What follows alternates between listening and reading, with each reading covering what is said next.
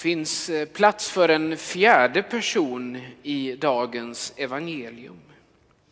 Hos den franske konstnären Arcaba i hans målning Les Bellerines de Emmaus, pilgrimerna från Emmaus, ursäkta min franska, så visas det genom att ett extra vinglas står upphällt bakom personen höger i bild. Du och jag är den där fjärde personen i dagens evangelium som får slå följe med två besvikna lärjungar som på en bit in på påskdagen går bort från Jerusalem. Ja, de två männen hade inte glatts då kvinnorna hade kommit tillbaka från Jesu grav och sagt att den var tom och de hade mött änglar där. Tvärtom hade de blivit uppskakade. Deras vänner hade själva sprungit till graven, men de här två männen som vi slår följe med gav sig av. De ville inte ens undersöka saken. Allt var ju slut.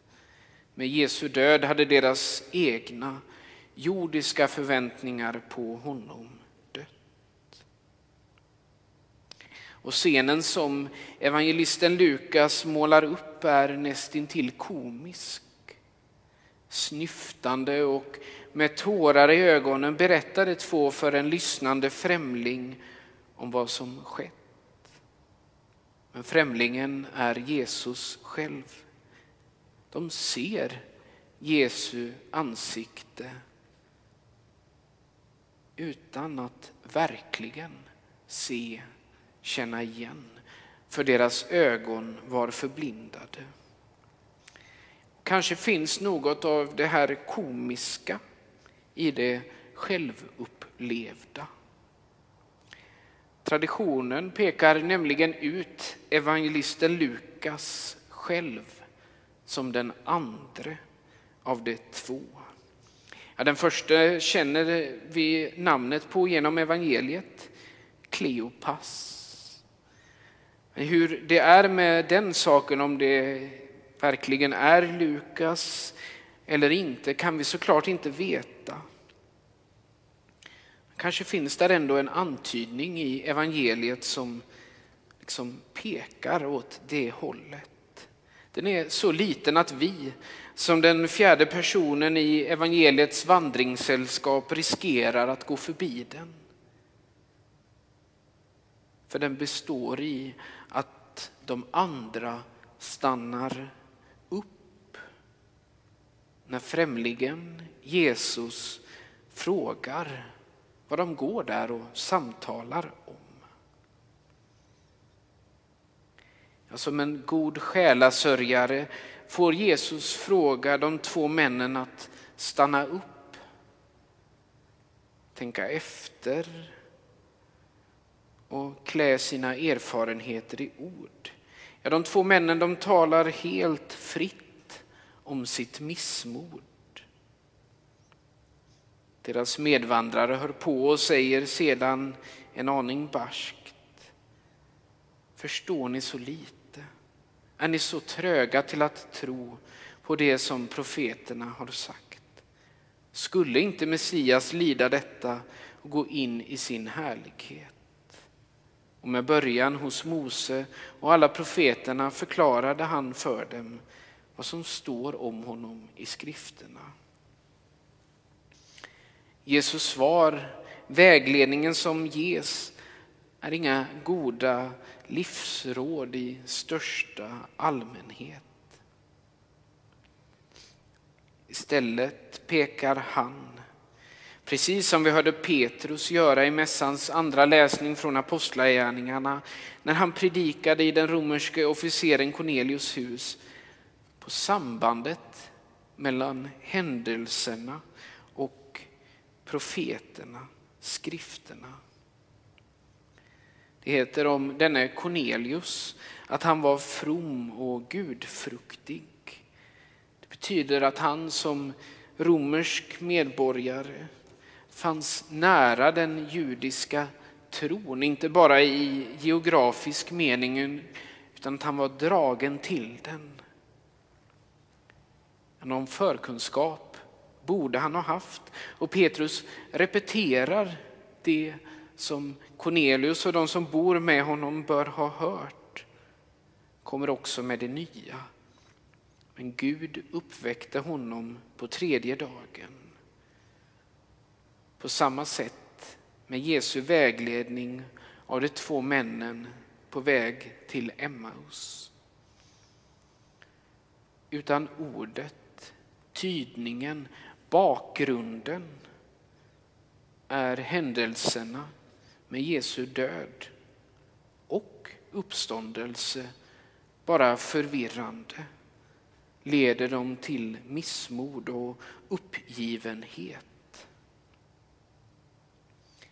Men med ordet sker något annat, om än inte direkt. Istället ser vi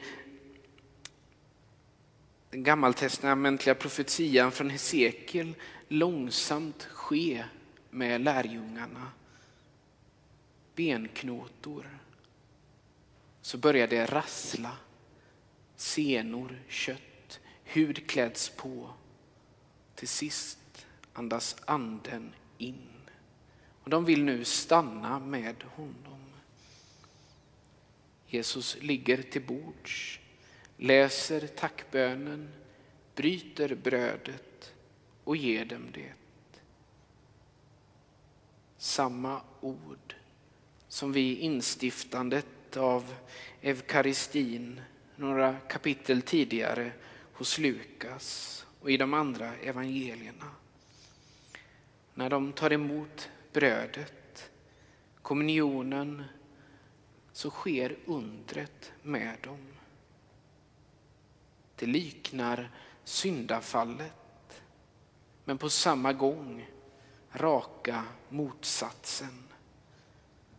De äter och då öppnades deras ögon.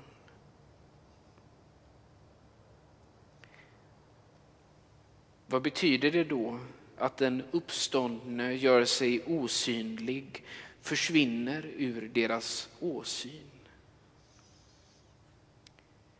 Till att börja med är det bara halva sanningen att han skulle försvinna.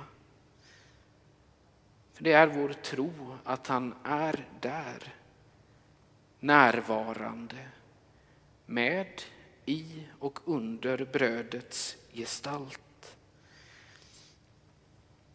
Den som det nyss samtalat och vandrat med ansikte mot ansikte utan att känna igen honom ser de nu i det brutna och utgivna brödet. Det är två och vi, du och jag.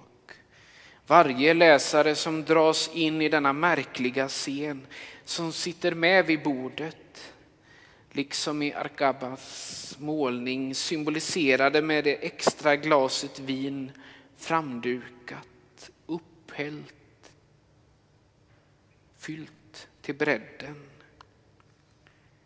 Tanken är att vi ska förstå att från och med nu är platsen där man hittar honom eukaristin, nattvarden, i kyrkan. Paradiset är tillbaka med en ny frukt som ger liv åt den som stannar upp, vågar dröja kvar och slå sig till bords. Ära vare Fadern och Sonen och den helige Ande. Så som det var av begynnelsen, nu är och skall vara, från evighet till evighet. Amen.